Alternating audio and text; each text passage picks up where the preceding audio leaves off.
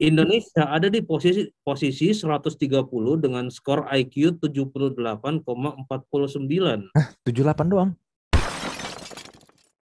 Welcome to Talk to Talk Podcast. Let's talk now bersama gue Andri dan episode kali ini gue kedatangan ini udah berapa kali sih dia jadi guest di tempat ini ya. Om Wahyu Design Brand. Apa kabar nih Om Wahyu? Topeng baru nih. Mantap, Bos. Mantap, Bos. Topeng baru nih. Oh, iya. Terima kasih buat Srelo udah buat ya lumayan lah buat performa. Dia kasih nama gue kayaknya pakai helm mulu.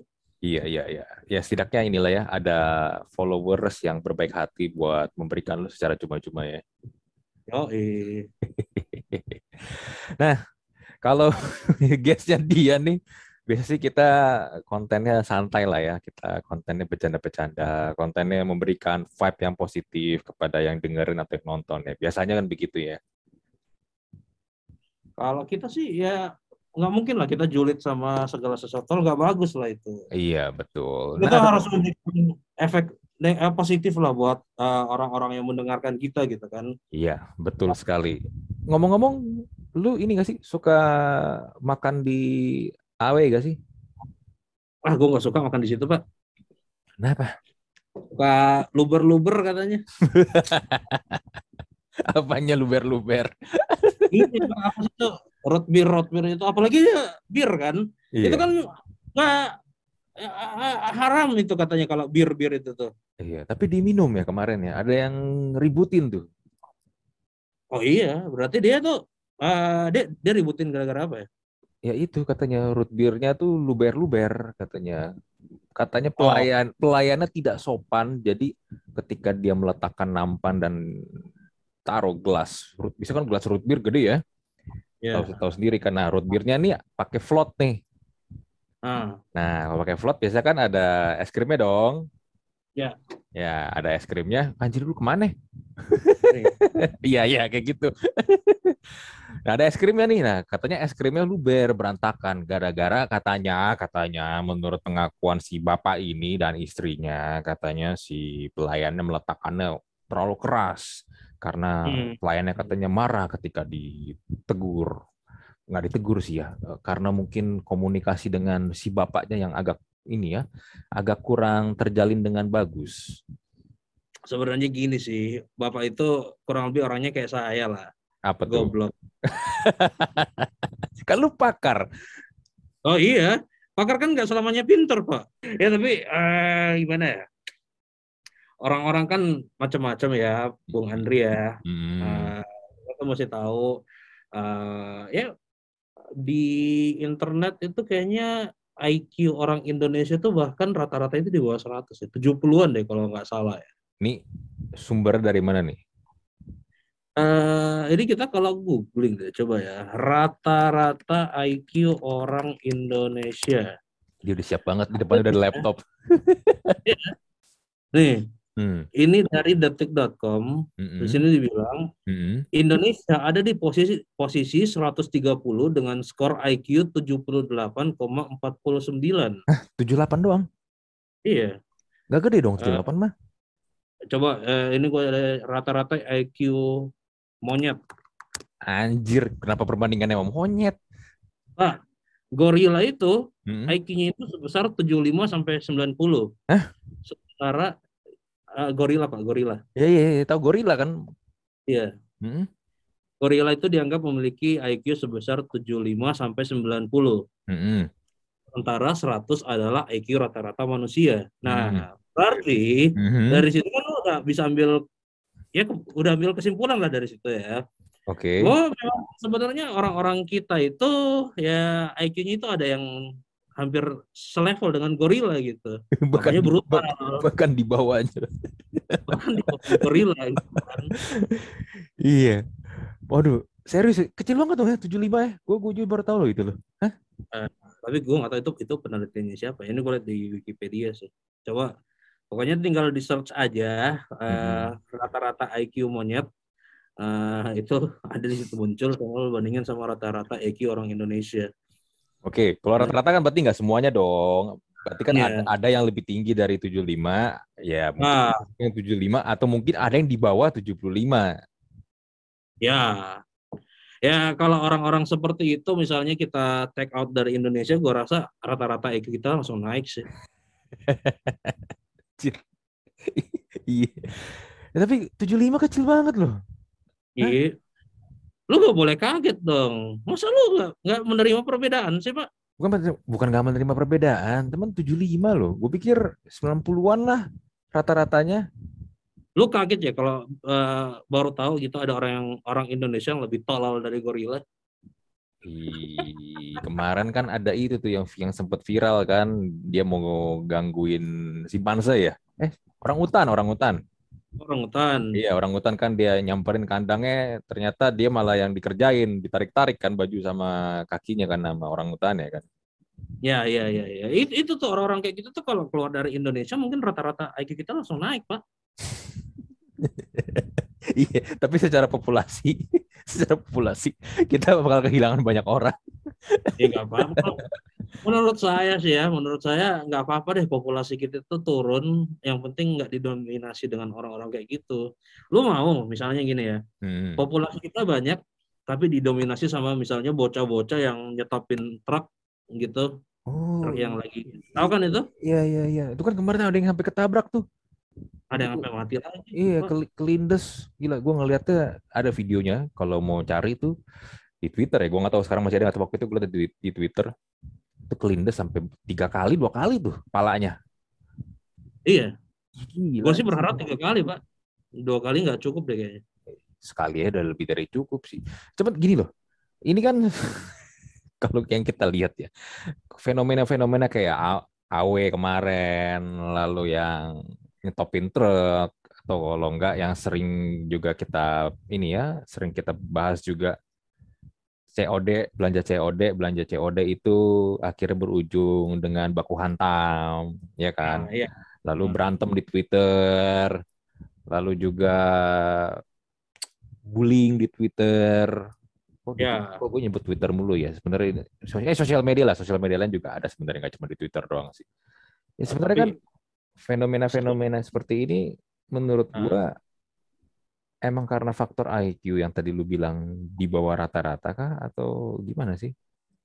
Lu mau gue jawab serius atau gue jawab bercanda aja nih, Pak? Gue butuh jawaban serius karena kan lu pakar. Enggak sih kalau kalau menurut gue mungkin mungkin ada hubungannya dengan ini ya dengan IQ. Cuma Mhm. ya dari eh, sepintas yang gue lihat sih sebenarnya ini balik lagi sih dari lingkungan aja sih sebenarnya. Hmm, lingkungan juga Artinya pengaruh gini, ya. Iya, arti artinya gini Pak, Eh, Hmm. lingkungan itu bukan berarti eh, yang di kota-kota besar itu enggak eh, kemungkinannya kecil terjadi eh, seperti itu enggak seperti itu sih. Mhm. Malah di kota besar juga banyak kok yang malah malahan ya kalau menurut Hmm. gue yang tolol itu lebih banyak di kota besar sih Pak. Masa? Kenapa tuh? Ya iya, gini. Eh pertama gini, lu pernah lihat gak sih orang-orang di lampu merah gitu? Hmm? Ah, ya kan yang pemotor-pemotor itu tuh. Hmm. Yang bahkan belum hijau pun juga udah langsung ngegas mereka, langsung jalan aja. Oh, Iya. Itu lampu merah itu nggak nggak ada gunanya sebenarnya. Sebenarnya mereka tuh berhenti ya udah nunggu jalan kosong aja biar biar bisa biar bisa eh, nyelonong maju gitu. Iya, betul, betul. Menurut lu itu pintar apa? Hmm, iya juga sih. Bener Terus bener. lu lihat lu lihat deh pemotor-pemotor yang eh ya nggak bisa lihat jalan kosong deh, lihat celah dikit aja gitu. Misalnya kalau lagi macet gitu ya, Hmm. lihat eh, jalanan eh, ada celah dikit aja, itu pasti maksa pengen masuk gitu. Nggak nggak peduli bakal nyenggol atau apa. Dan kalau nyenggol pun juga paling ya pakai jurus khas orang Indonesia, tinggal gini-gini aja. Udah, habis itu pergi. Iya, lo pikir itu pintar? Itu di kota besar, Pak. Eh, iya sih. Tapi lu merasa nggak sih sebenarnya kita tuh makin lama tuh di internet ya di sosial media kita tuh makin overshare tuh gak? Iya. Iya sih. Apa-apa tuh Mau- di-share, apa-apa tuh di-share, apa-apa tuh di-post di sosial media. Mau ibu-ibu, mau bapak-bapak, bocah semuanya juga gitu. Iya. Mau gimana, Pak? Namanya juga barang baru kan internet kan barang baru buat beberapa orang. Sih barang baru internet itu kan penetrasinya udah lumayan lama juga sebenarnya di Indonesia. Nah, lu kan hidup lahir dan besar dan kemungkinan mungkin mati di kota besar kan Hmm, mati sih belum tahu ya. Belum ada rencana sih mati di kota besar atau di sebuah pulau yang udah punya gua gitu. ya gue jangan di sini Iya, iya. terus terus terus. Ya itu maksud gua buat kita kita yang memang besar dan lahir di kota besar sih mungkin Mhm, internet itu udah bukan barang yang baru. Mhm. cuma kan orang-orang di pinggiran sana tuh ya ini ibarat apa ya nggak pakai ibarat deh pokoknya ya ak- akses internet itu masih masih baru gitu. Hmm, jadi ya wajar aja kalau orang tuh masih lata masih kagetan. Menurut gue sih itu hal-hal yang wajar ya. Hmm. Makanya gue tuh pernah bilang di tempat lu juga lu tahun lalu deh kayaknya Mhm. eh gue tuh nggak mendukung pemerataan internet ya pemerataan akses internet gue Iya, nggak mendukung itu Lu pernah bilang itu juga dan akhirnya banyak orang yang mempertanyakan statement lu itu kan. iya Mhm. padahal sebenarnya gini loh kalau misal eh, ya eh, kebanyakan juga orang-orang di eh lu tau lah kan profesor-profesor di Twitter itu kan memang Mhm, mhm. Bagus cuma gini kalau misalnya lu eh gue jelasin ya kenapa Hmm. gue nggak setuju hal itu Hmm. internet, internet itu kan sebenarnya eh, salah satu pri- privilege ketika lu bisa mengakses internet adalah lu punya kebebasan dalam eh, berekspresi, lu Hmm. punya kebebasan dalam eh, berkata-kata gitu kan, Mhm. walaupun nggak ada kebebasan yang memang murni bebas gitu, tetap ada aturan-aturannya. Iya. Hanya aja ya, lu bebas di situ, Hmm. pasti ada konsekuensi gitu kan. Orang-orang yang eh, mungkin belum tahu tentang hal itu, belum tahu tentang eh, apa namanya the cost of being eh, bebas atau freedom gitu loh, punya punya kebebasan, ya mereka akan lepas aja pak. Kenapa kita nggak mengedukasi orang dulu gitu? Kenapa nggak kita naikin dulu itu angka IQ kita yang se- sepantaran dengan gorila itu nggak kita naikin dulu gitu loh daripada akses internetnya di dicepetin Hmm. orang- Hmm. orang mungkin gini pak statementnya adalah kalau lo pengen eh, naikin IQ IQ mereka tanpa internet gimana dong gimana caranya bos belajar itu kan gak cuma di internet doang dan kalau misalnya kita berbicara tentang eh, kesiapan eh, yang gue bilang tadi sebelumnya Hmm. itu bukan tentang belajar di buku atau atau atau di Wikipedia dan segala macam gitu Hmm. ya lo belajar tata krama lo bi- eh, belajar common sense nggak butuh internet untuk itu Hmm, iya sih. Tapi internet lah Iya, tapi masalah begini kan teknologi itu, inovasi itu kan akan selalu lebih cepat dibandingkan satu regulasi dan kesiapan manusianya kan. ya Ya kan? Pasti akan akan jauh lebih cepat. Biasa tuh regulasi akan lebih lambat karena mereka mesti nyusun dulu kata-katanya ya kan pasal-pasalnya supaya membuat peraturannya itu benar-benar inilah ya benar-benar memang jelas dan tepat regulasi gitu. bakal lah ya Ya, itu kan pasti lama makan waktu. Nah, tapi untuk manusia sendiri nih, kalau konteksnya kita ngomongin tentang orang-orang ya, orang-orangnya memang kalau menurut gue emang nggak akan pernah siap sih. Kalau menurut gue ya, hmm. Iya kan, nggak akan pernah siap karena ya itu tiba-tiba udah ada aja gitu. Tiba-tiba gini deh, let's say gini deh. Paling gampang ketika dulu zaman masih Nokia ya, handphone masih Hmm. pakai Nokia nih, internet Hmm. juga masih pakai Telkomnet instan ya. Tahu sendiri kan Hmm. masih pakai nyambung ke telepon. Kalau misalnya mau pakai, kalau kita lagi pakai internetnya tuh telepon nggak bisa dipakai tuh karena kalau ada orang mau nelpon masuk pun juga pasti akan ada ada sibuk karena lagi dipakai kan. Ah. Nah, itu kan mengalami pergeserannya kan boleh dibilang tuh nggak berasa loh. Tahu-tahu ih internet udah bisa waktu itu Telkom masih pakai Speedy ya namanya ya. iya iya Ya masih pakai Speedy bukan IndiHome ya waktu itu ya. Ada Ah. Speedy nih, udah bisa pakai kabel. Waktu itu masih colok colok ke laptop kalau nggak colok ke PC kan. Belum ada WiFi waktu itu. Tapi kan internet udah lebih cepat tuh. Iya iya Ya kan udah udah, udah lebih cepat. Lalu pelan-pelan mulai ada handphone-handphone yang juga boleh bisa akses internet. Ada BlackBerry waktu itu akhirnya 2009. Lalu Hmm. akhirnya 2012 ada mulai ada smartphone. Eh, du- 2000 2012 lah orang mulai ini ya mulai familiar dengan smartphone yang touchscreen tuh gitu, iPhone dan akhirnya muncul Android.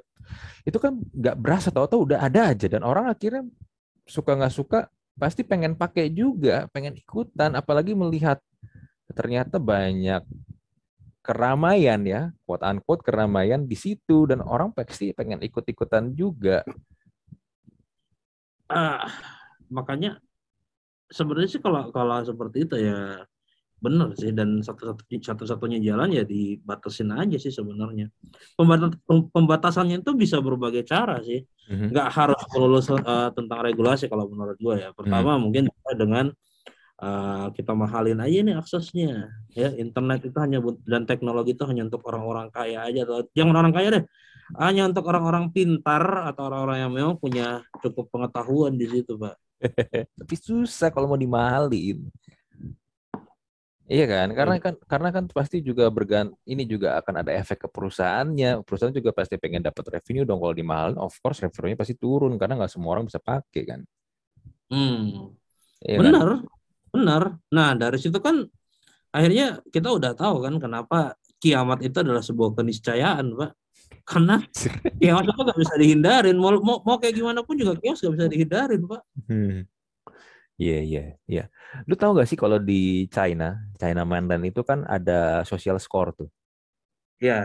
Ya, iya kan. Jadi ada social score. Jadi kalau misalnya si A nih, social score-nya berapa gitu, dia tuh pokoknya harus mempertahankan di angka berapa gitu. Gua gue sih kurang jelas ya untuk regulasi angka itu seperti apa. Tapi kalau misalnya dia sampai di bawah angka yang ini nih, angka rata-rata nih, dia biasa tuh akan kehilangan akses-akses yang bisa dipakai orang-orang yang punya skor di atas. Misalnya, hmm. let's say hmm. gak bisa pakai internet atau sosial medianya dihapus, diblokir sama pemerintah. Nah, itu kan tapi di China mainland tuh. Nah, menurut menurut lu nih, kalau itu dipakai di Indonesia nih, menurut lu gimana? Nggak bisa sih. Nggak bisa. Tahu nggak kenapa? Tahu nggak kenapa? Kenapa? Bukan kesiapan masalah kreativitasan kita. Mm -hmm. Besok-besok tuh bakal ada calo, Pak. Anjir, sih, calo bener. calo ini ya, calo buat buka blokiran ya. Kalau buat blokiran atau buat uh, top up apa tuh uh, sosial kredit pasti ada gitu dan nggak tertutup kemungkinan pemainnya tuh pasti orang-orang dalam. Uh, yes, ya, ada chance kayak begitu sih memang ada sih. Chance seperti itu. Hmm, hmm. Jadi nggak bisa memang memang Eh, gimana ya orang-orang kita tuh gue juga gue aja bingung apa gue garuk-garuk susah memang orang-orang kita tuh karena masalah perut kita aja tuh belum selesai gitu kan kalau hmm. misalnya lu mau uh, bikin solusi yang uh, cukup advance seperti itu menurut gue hmm. urusan perut kita aja belum selesai hmm. makanya uh, chance untuk muncul cala-cala seperti itu segala macam itu pasti ada karena ya kita mau kenyang dulu kan. Hmm, iya sih. Iya, iya, benar, benar, benar. Ya berarti gini dong, kalau misalnya akan selalu muncul masalah baru ketika masalah yang lama ini udah bisa diselesaikan nih, yang akan ada habisnya dong sebenarnya kan. Iya. Masa uh, gimana ya? Uh, pada akhirnya kan memang hidup tuh kalau nggak ada masalah nggak nggak seru sih pak nggak nggak bisa ya, dicaloin betul betul tapi maksud gue maksud gue begini loh ini, ini kalau misalnya kita lihat tadi dia ini kan uh, masalahnya sebenarnya kan fundamental banget kan kenapa misalnya kegaduhan di internet di sosial media itu bisa terjadi terus dan tiap hari pasti akan selalu ada aja cerita baru kan ya hmm. paling gampang tinggal buka Twitter lah pasti akan selalu ada aja keributan baru lah Every day, hmm. every day loh. Hmm. Kita kita ngomong konteks ini every day pasti kan selalu ada aja yang baru. kan berarti kan sebenarnya masalahnya adalah fundamental banget kan. Common sense sebenarnya di sini kan. Iya. Iya kan. Common sense iya. itu enggak enggak aduh, kayak yang awe kemarin root beer loh. Maksud gua sebenarnya you don't need to make aduh gimana ya? Nggak perlu dibikin rame sih sebenarnya sih.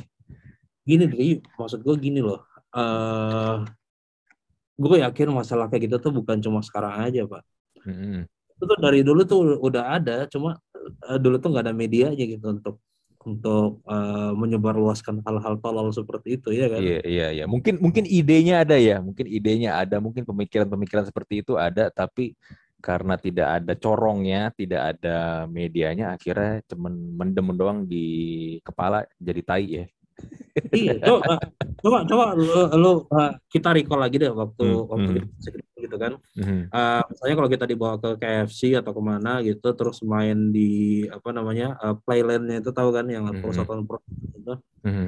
kan nggak jarang tuh kita uh, kita ini sebagai bocahnya tuh tiba-tiba berantem sama uh, si anak kecil yang lain gitu kan Hmm, berbutaan biasanya tuh. rebutan terus Hmm, uh, hmm, makin lama makin rusuh terus orang tua kita uh, masing-masing datang buat entah buat ngelerai atau misalnya Hmm. untuk uh, uh, apa namanya ya untuk pokoknya orang tua sampai datang lah gitu Hmm. itu kalau misalnya dibawa ke sekarang ya tetap bisa terjadi hanya aja bedanya tuh dulu orang tua kita kalau datang buat melerai atau buat uh, nempeleng kita ya udah sampai di situ aja hmm. mereka nggak bawa kamera mereka nggak bawa HP seandainya dulu mereka udah bawa HP mah pasti bakal viral juga pak Iya sih. Sekarang mah apa-apa di videoin ya, apa-apa direkam. Iya. kalau menurut gue sih sekarang masalah pertama masalah kemudahan aksesnya aja dan yang kedua masalah Hmm. kesiapannya sih Hmm. gue kasih contoh lagi deh ini ini, pemikiran gue ya Hmm. Eh, soal apa namanya eh menurut gue movement itu dari dari dulu dari dulu itu udah udah udah dan dan yang kita alamin sekarang itu hanya pengulangan pengulangan pengulangan doang pak Hmm. dulu kan salah satu feminis eh, paling terkenal dari Indonesia pejuang eh, hak hak hak suara perempuan Indonesia kan Ibu Kartini kan Hmm. era Kartini Hmm. semua keluhan eh, semua keresahan keresahan beliau itu eh, beliau tulisin di dalam eh, surat Ya. sampainya eh, ya ditemukanlah surat-surat itu karena nggak ada medianya aja media pada waktu itu kan cuma surat Hmm. seandainya ibu kartini itu ada sekarang mungkin dia nggak bikin surat pak mungkin dia bikin podcast Hmm. Iya, iya. Kalau enggak di Twitter dia tulis thread. nah atau Hmm. atau nggak bikin thread Iya. Eh, judul bukunya apa? Judul bukunya apa? Habislah gelap, terbitlah terang ya. ya Iya, iya. habis Iya, habislah gelap, terbitlah terang. Kalau di Twitter tuh ya ditulis habislah gelap, terbitlah terang. Enter, enter, your enter. A thread. Nah, habis itu Iya. mulai itu nomor satu replaynya apa, nomor dua replaynya apa. Bisa jadi kayak gitu Terus sih. disambar sama seleb seleb makin rame gitu kan terus ada Iya, iya, iya. Profil K-pop jualan apa gitu Iya, oh bagus tiba-tiba. kak Iya, tiba-tiba ada yang ini numpang jualan, ya kan? Ya, jadi kayak gitu maksud gua polanya sama-sama aja bedanya itu ya Hmm. beda di media doang Hmm. artinya eh, ya balik lagi memang orang kita tuh kacau dari dulu sih hanya seka- hanya aja sekarang makin difasilitasi kekacauannya itu Iya, iya, iya. Ya, tapi kan kalau misalnya konteksnya di Ibu Kartini ini kan dia bikin suatu tulisan yang bagus kan sebenarnya kan? Iya, memang memang Iya kan?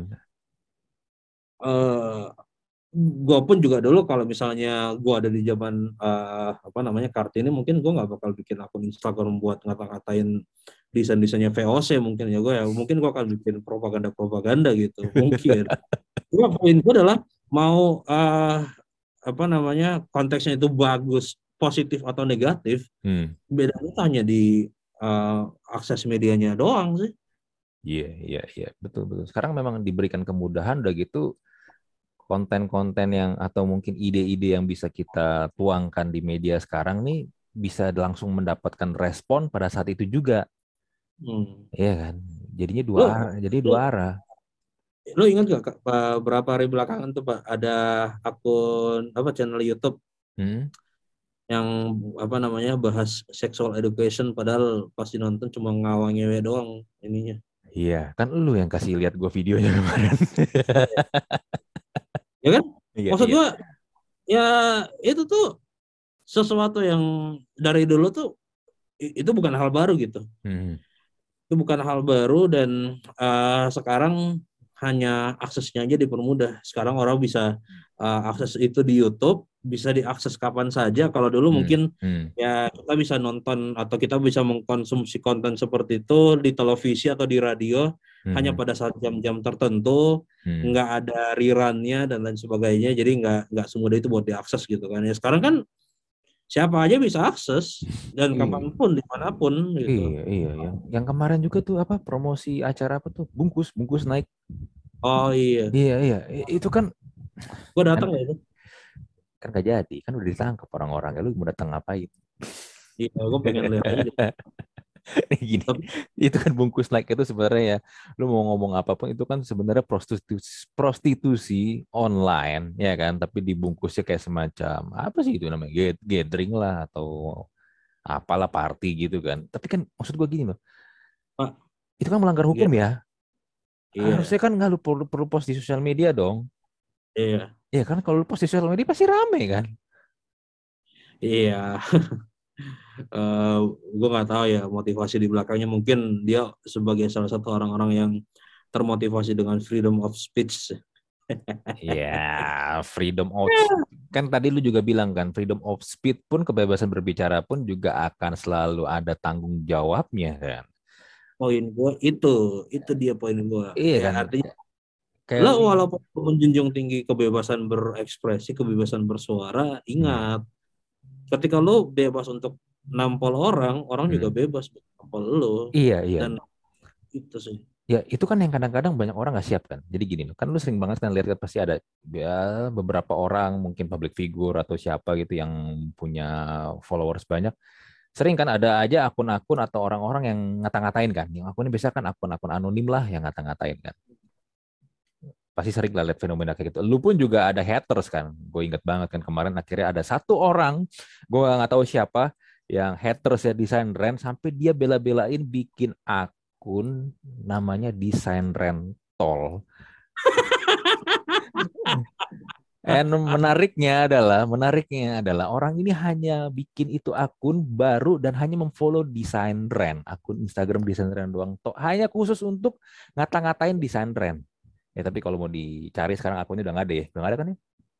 Uh, kemarin lucu sih. Jadi hmm. pas dia ngata-ngatain di komen itu kan ya udah gue hmm. ladenin aja kayak biasa. Yeah. Maksudnya ya gue ketawa-ketawain aja karena buat gue lihat orang marah-marah tuh lucu aja gitu kan. Iya. Lupin gak sih? Sempet lupin gak sih komennya? Gue pin, gue pin. Ya, uh. Oh banyak tuh uh, yang apa namanya ikut ngata-ngatain dia. Padahal gue nggak hmm. ngata-ngatain loh. Gue nggak hmm. ngata-ngatain. Hmm. Terus nggak lama kemudian ada uh, rentisan yang nge-DM gua. Hmm. Oh, gua udah dapet nih orangnya, dia ini ini ini ini tinggal di sini, kuliah di sini, nomornya ini anjing. Mau ngapain ini nomor bangsat? Sampai di doxing sama followers lu. Terus dia bilang ya kalau mau lo hmm, hmm. terus lo deh. Eh, gue bilang ya uh, mau gua apain juga nggak ada gunanya juga ya udah lo gue simpan aja deh. Iya, Besoknya, hmm. besoknya gue ngepost sesuatu lagi, uh, pokoknya gue gue bikin post di komen lagi sama dia. Hmm. dia gue nggak tahu dia ngata-ngatain apa gitu kan. Pokoknya uh, uh, ya gue nggak masuk di hati juga sih sebenarnya. Hmm. dia ngata-ngatain gue cuma bilang kalau Mas Ilham nomor lo masih yang ini ya belakangnya. Langsung hilang akunnya. Iya kan? Iya kan, jadi gini loh, gue gue selalu melihat ketololan ini nih selalu terjadi berulang kali dan mereka nih, mereka ini yang suka ngata-ngatain atau suka head speech ya ke kita-kita nih ya. Mereka selalu berpikir kalau mereka itu nggak akan pernah bisa ditemukan atau terlacak karena mereka berlindung, berlindung merasa ada akun anonim yang bukan diri mereka nih. Ya lu yeah. sebenarnya lu sebenarnya juga akun anonim sih. To be honest ini emang agak lucu sebenarnya konteks iya. ini ya. tapi tapi beda gini, bedanya adalah lu sebagai akun anonim kan ya you you are show yourself kan walaupun mungkin orang tidak tahu identitas siapa di balik lu kan. Tapi maksud gue begini loh. Lu bikin akun desain run ini kan memang untuk punya goalsnya kan dan lu memang bikin kontennya memang ada lu ada konsepnya ya kan? Lu ada lu ada juga jadwalnya lalu juga pasti terjadwal kan untuk bikin konten-konten ini kan semuanya ada pak uh, konsepnya ada hmm. jadwalnya ada hmm. uh, apa namanya player-playernya ada cuma satu yang nggak ada di sini pak apa tuh monetize nggak mungkin monetize nggak ada emang saya tidak tahu red kata anda huh? Huh? nah tapi tapi gini kalau untuk yang mereka ini konteks yang haters haters ini ini kan mereka benar-benar memang ya hanya berlindung balik lagi kan berlindung di balik bikin akun baru yang berpikir mereka tuh nggak akan bisa ditrace kan Hmm. Iya kan? Nah, permasalahannya adalah ketika lu udah di internet, justru lu tuh semakin gampang buat dilacak. Iya lah. Iya kan? Gue ingat loh uh, prinsipnya dosen gue ya waktu gue kuliah dulu. Hmm. Ini uh, ngobrolin ngomongin soal uh, internet dan jaringan ya. Hmm. Konsepnya jaringan itu ketika ada yang bisa keluar hmm. atau ada yang bisa masuk, percayalah kalau ada yang bisa keluar juga atau ada yang bisa masuk juga. Ketika ada jalan, bukan cuma lo yang bisa masuk ke situ. Betul. Itu aja sih konsepnya. Iya, betul, betul. Nah, makanya kan akan selalu nih orang-orang ini nih, ya sebentar gini sih, orang-orang kayak gini ya udah, udah kebayang sih bentukannya kayak gimana ya. Terus sama juga warna cat tembok rumahnya itu warna apa udah kebayang lah ya.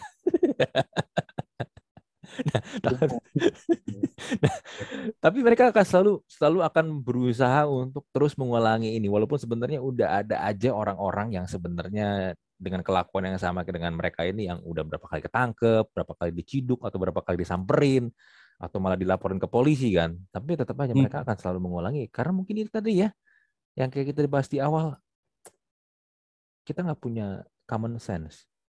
Common sense kita itu kecil banget. Ya mungkin hasilnya buahnya adalah tadi yang lu bilang IQ kita tuh di Indonesia rata-rata hanya 78 cuy.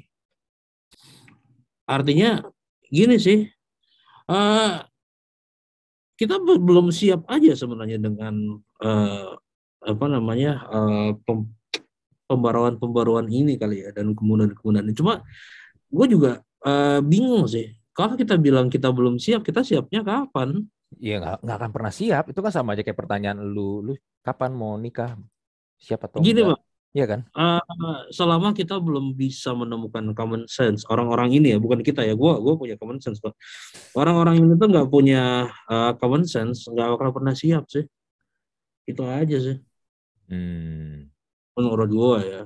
Iya, iya, iya. Karena ngobrol uh, dengan orang lain, mau itu di sosial media atau di dunia nyata, hmm.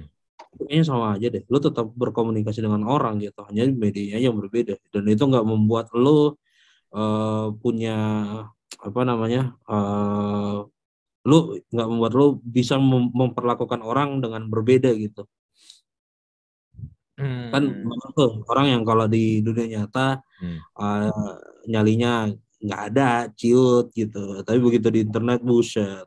Keyboard warrior kan, mus paling iya. merasa paling so jago. Balik lagi karena kan itu, karena mereka merasa ada ini, ada barriernya hmm. di akun anonim tadi ya kan. Mereka bikin akun bukan akun aslinya mereka, bukan akun realnya mereka. Mereka merasa ada barrier, orang nggak bisa masuk nih ke barrier mereka, ke gua nih gue pun juga sebenarnya sebenarnya gini ya gue pun juga kalau mau dibilang akun anonim sebenarnya gue nggak anonim anonim banget sih karena pertama lo tahu gue siapa anjing.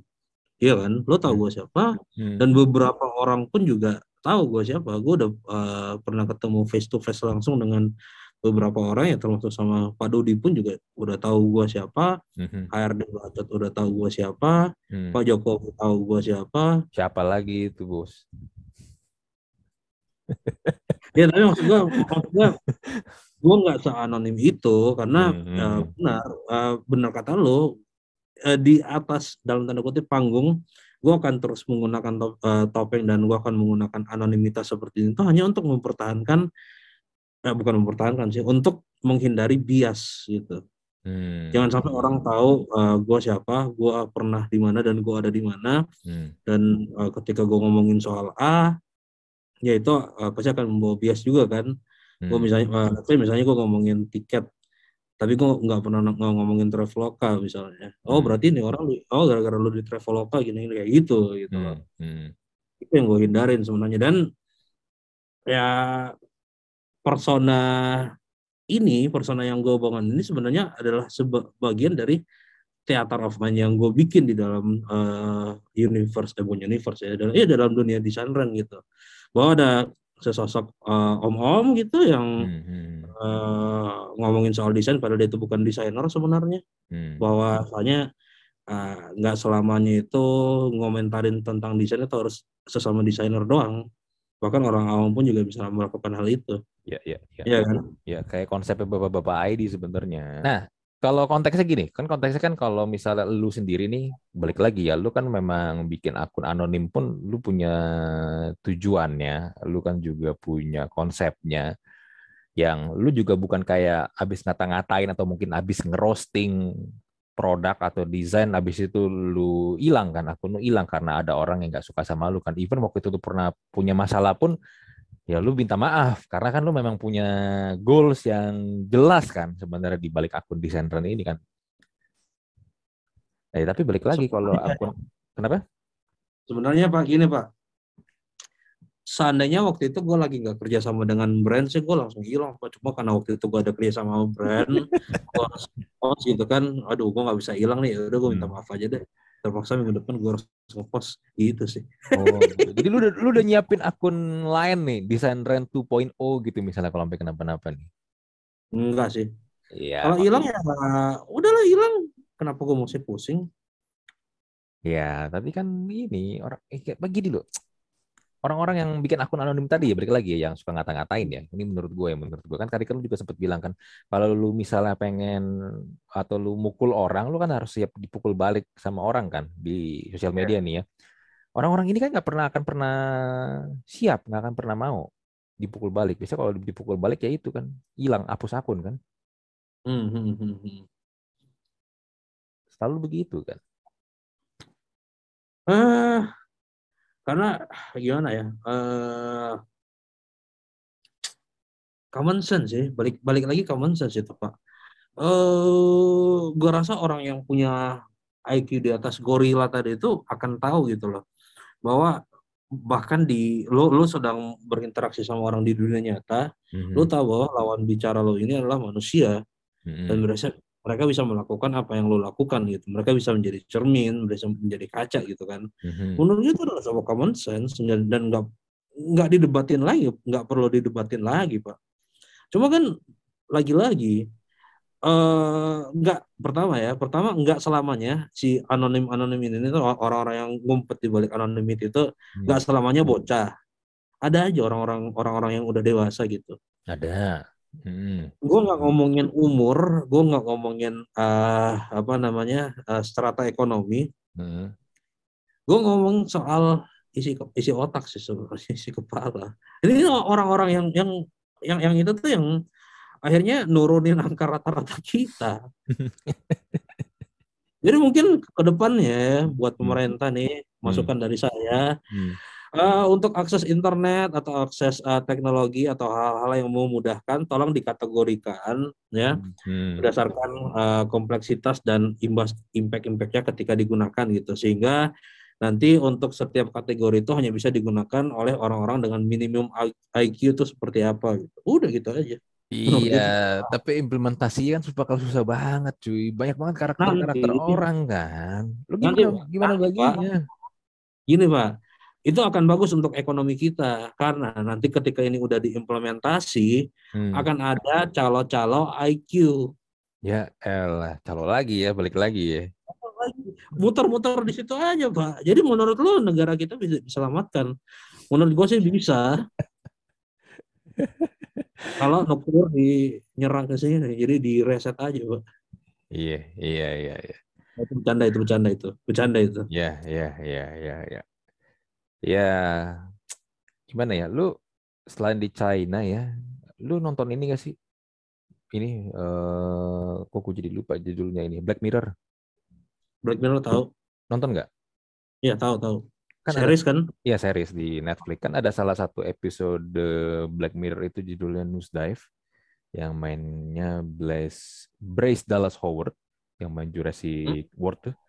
Itu kan ceritanya itu tuh ceritanya tuh kayak yang lagi kita bahas sekarang nih, scoring nih. Jadi orang tuh dikasih skor untuk membuat mereka ini kalau skornya gue lupa empat setengah ya, empat setengah ke atas kalau nggak salah ya, empat setengah ke atas, lu bakal bisa mendapatkan privilege, privilege atau benefit-benefit yang jauh lebih banyak dibandingkan ketika skor lu di bawah empat setengah atau even kalau lu skor di bawah tiga atau lu skor cuma dua, lu bakal mendapat mendapatkan perlakuan dan juga ya nggak bisa mendapatkan benefit seperti orang-orang yang skornya di atas empat. Mm-hmm. Ya, dan cuman gini, ini yang gue lihat ya kalau di series itu ya, yang jadi masalah ada lagi orang jadi berlomba-lomba pengen supaya dapetin skor di atas empat.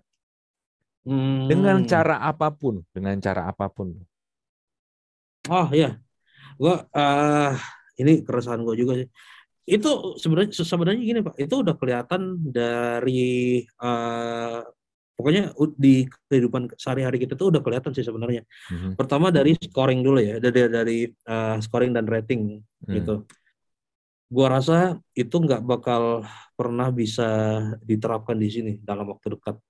Lu Mhm. lihat apa yang terjadi dengan uh, teman-teman uh, driver ojol ya. Hmm, hmm, hmm, Ada masalah dikit, pokoknya masalahnya itu cuma sepele aja gitu, hmm, langsung bintang satu gitu.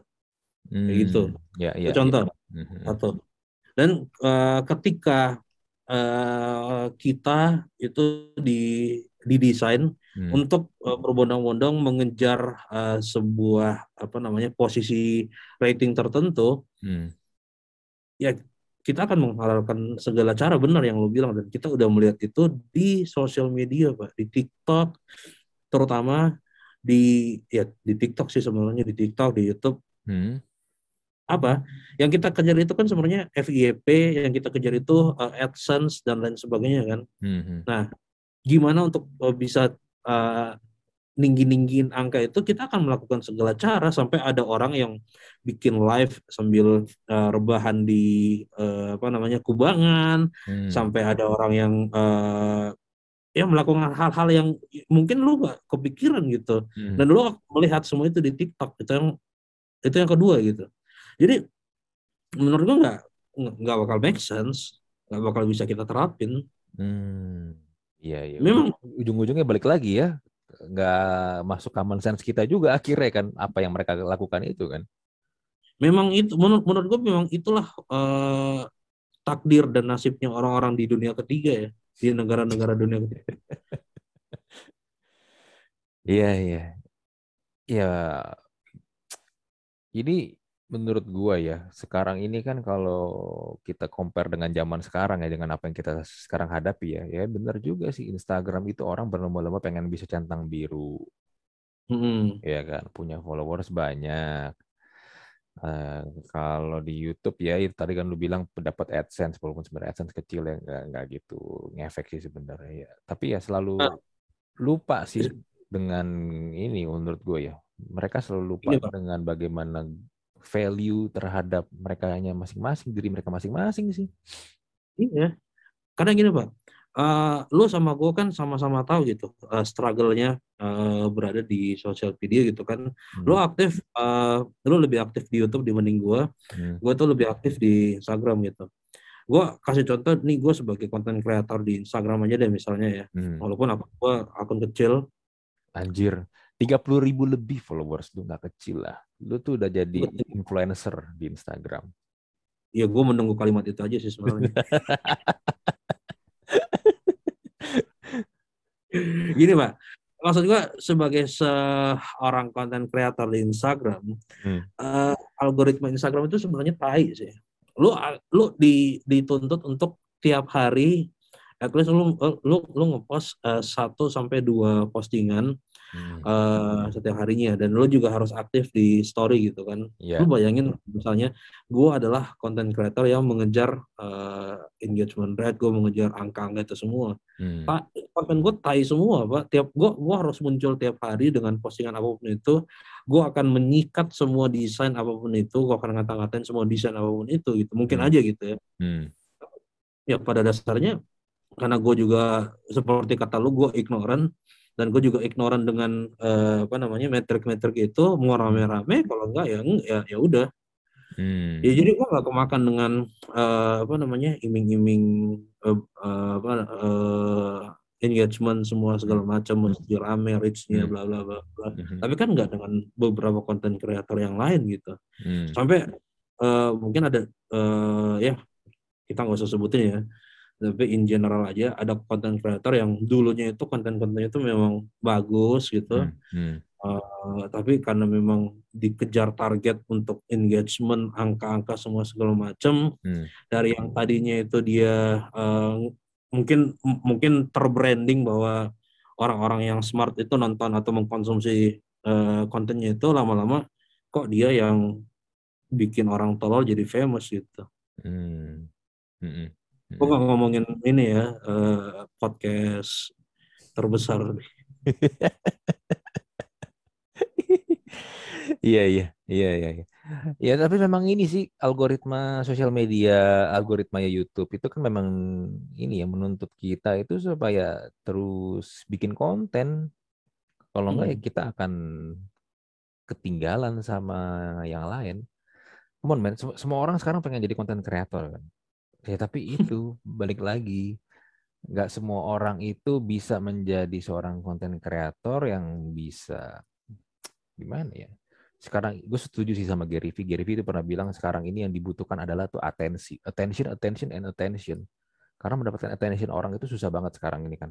Ya lu tau lah cara kerjanya handphone itu kan. Instagram, Twitter, lu scroll, scroll, scroll itu kan lu punya konten bagus, tapi kalau orang ngelewatin lu scroll itu kan ya udah lu lu lewat kan. You Mhm. you you only have maybe two seconds, three seconds supaya orang jempolnya berhenti ngeliat konten lu kan. Mm-mm. Iya kan. Nah itu akhirnya yang bikin orang ya jadi seperti sekarang sih menurut gue ya. Makanya kalau gue sih selalu bilang ya, eh, jadi content creator itu lo kalau bil lo kalau adalah seorang content creator dan bilang ini adalah passion gue itu omong kosong sih. Ya, kalau lo content creator dan lo passion, lo nggak bakal ngejar duit di situ. Dan lo nggak bakal kemakan dengan eh, apa algoritma, lo nggak bakal tertekan dengan algoritma, lo nggak bakal pusing kalau misalnya video atau misalnya konten-konten yang lo bikin itu nggak rame. Iya. Iya, iya, bi- karena lu memang suka ngerjainnya dan ya udah. Hmm. Ya, Beda. Pada akhirnya kalau memang lo mau nyari duit ya nyari duit, passion ya passion. hmm, Nggak ada itu orang ngejar-ngejar passion omong kosong. ya. Buat gue ya, passion itu ngejar passion itu hanya untuk orang-orang yang kalau mau beli rumah itu nggak mikir dua kali, Pak. Iya sih, benar, benar, benar, benar. Kalau mau beli Tesla ya udahlah, oh Tesla, oh berapa harganya? Oh segini, ya udah belilah. Iya. Hmm. Selama lu masih minta rokok sama teman-teman lu di sebelah mah jangan ngomongin passion dulu, anjing lah. Bener, bener. Ya, gitulah. Jadi intinya gini ya, internet cepat di Indonesia yang rencananya mau mulai ini ya ekspansi ke 5G di beberapa tempat sih udah ini ya, udah bisa akses 5G ya. Eh, jadi apa gunanya nih? Tapi lucu ini, ini gue gue lihat dari ini ya, eh, report from Open Signal ini ada di Instagram e-commerce nih. Report from Open Signal highlight the status of 5G deployment in Indonesia. The report states that currently the speed of 5G in Indonesia could only reach an average 64,3 megabyte per second doang. Itu kecil banget ya, ngomong-ngomong ya. Hah? 5G Nih. loh. Gue nggak ngerti nih e-commerce ngomong apaan sih, pakai bahasa Inggris. Gue nggak se- selancar itu soalnya bahasa Inggris. Ya, nggak bisa bahasa Inggris. Tapi di Iya. Korea, tapi di Korea nih ya, di Korea compare sama Korea, Korea itu speednya bisa 423,8 megabit per second, cuy. Jauh banget.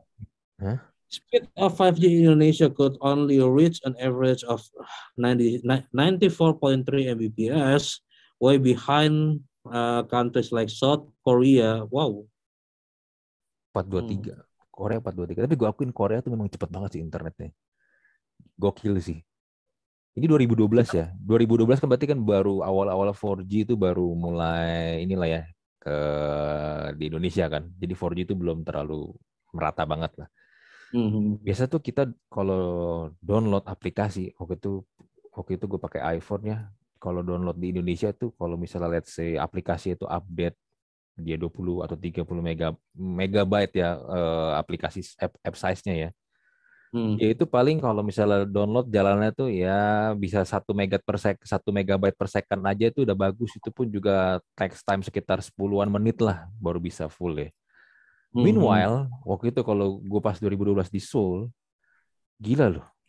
Itu ya nggak nyampe 5 detik tek tek tek udah kelar. Jadi penambahannya itu nggak cuma beberapa kilobyte atau cuma satu megabyte. Dia tuh bisa misalnya 30 megabyte itu bisa langsung 10 10 10 udah kelar.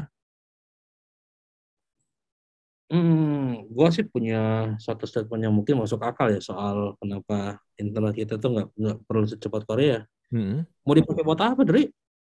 Ya kan balik lagi ke pertanyaan kita di awal, buat apa, Mek? Ya kan? Ya tapi maksud Iya. gua, kenapa? Tapi kenapa nggak bisa dioptimalin? Untuk apa? Gini, Ya, Gini gue ya. gue pengen nonton Netflix misalnya, let's say nih 4K tanpa perlu buffer-buffer. Hmm. Bisa dong buat kenyamanan gua. Pak, yang sekarang aja itu udah nggak buffer Netflix, ya kan? Kan 4K. Kecuali kalau lu pakai uh, ya, ya kecuali untuk gangguan tertentu gitu ya. Hmm. Cuma kalau menurut internet cepat itu nggak cuma sekedar buat uh, konsumtif usage sih. Hmm. Nggak nggak tentang uh, lo nonton YouTube atau apa gitu. Let's say misalnya lampu merah. Hmm. Lampu merah uh, kalau misalnya kita gunakan uh, apa namanya? Hmm, ya teknologi IoT misalnya ya. Hmm. Uh, kan kadang ada suka tuh lampu merah yang time uh, timernya itu ada yang lama banget, ada yang cepat banget gitu kan. Hmm.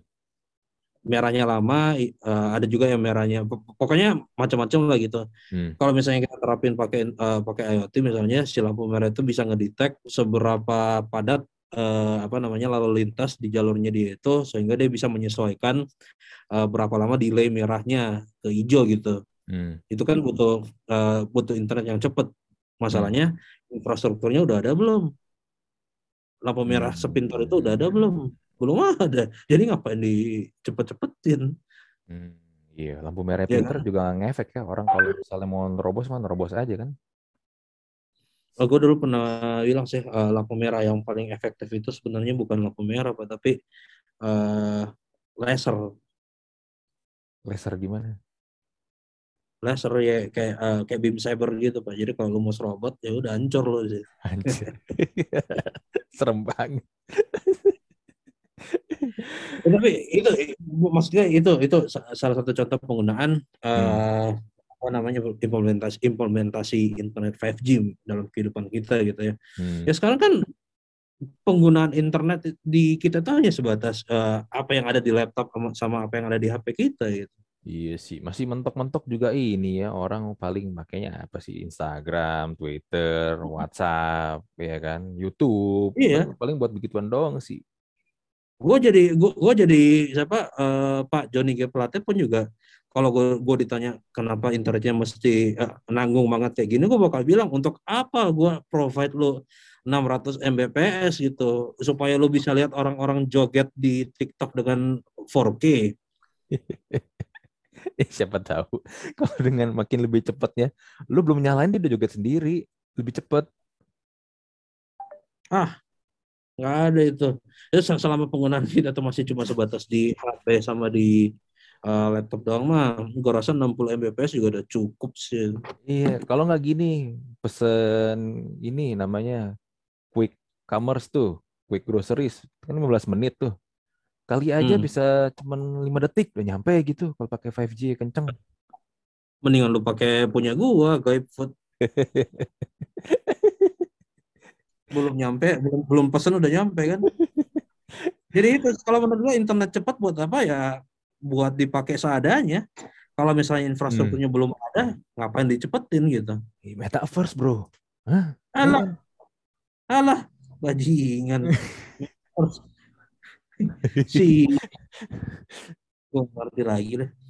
Metaverse Wow. atau, atau itu mungkin buat infrastruktur nanti tuh di sebuah bukit itu bukit ngomong-ngomong apa kabar ya udah nggak ada kabarnya lagi Kayaknya si Bro Bro Budi itu udah dapat eh, apa namanya istilah-istilah lain. Jadi dia udah meninggalkan bukit algoritma. Mungkin dia sekarang bukit metaverse. Kita nggak tahu. Beberapa bulan kemudian kalau ada terminologi baru dia akan membuat bukit-bukit yang baru lagi gitu. iya Kita dukung aja mungkin dia mendukung reboisasi Indonesia gitu kan dengan Iya. membuat bukit. Ya ya semoga lah ya untuk menjadi sesuatu hal yang positif lah ya buat Indonesia ya Walaupun Iya iya iya. Udah oke lah. Gua rasa cukup lah kita ngobrol ya. Kalau enggak, gua udah mulai mencium hawa-hawa ke arah pinggir jurang nih. Kalau diterusin. nggak ada kesimpulan Pak. Apa kesimpulannya? Kita nggak pernah ada kesimpulan kok. Ya itu dia. Nggak nggak nggak selamanya tuh obrolan harus ada kesimpulannya ya nggak. Iya betul. Gue bikin podcast nggak pernah ada kesimpulan. Gue yang tutup ya kalau gitu. Apa lu mau tutupnya gimana coba? Gue tutup dengan sulap. Ya, lu lihat kan ini minuman Iya. saya ya minumannya mah.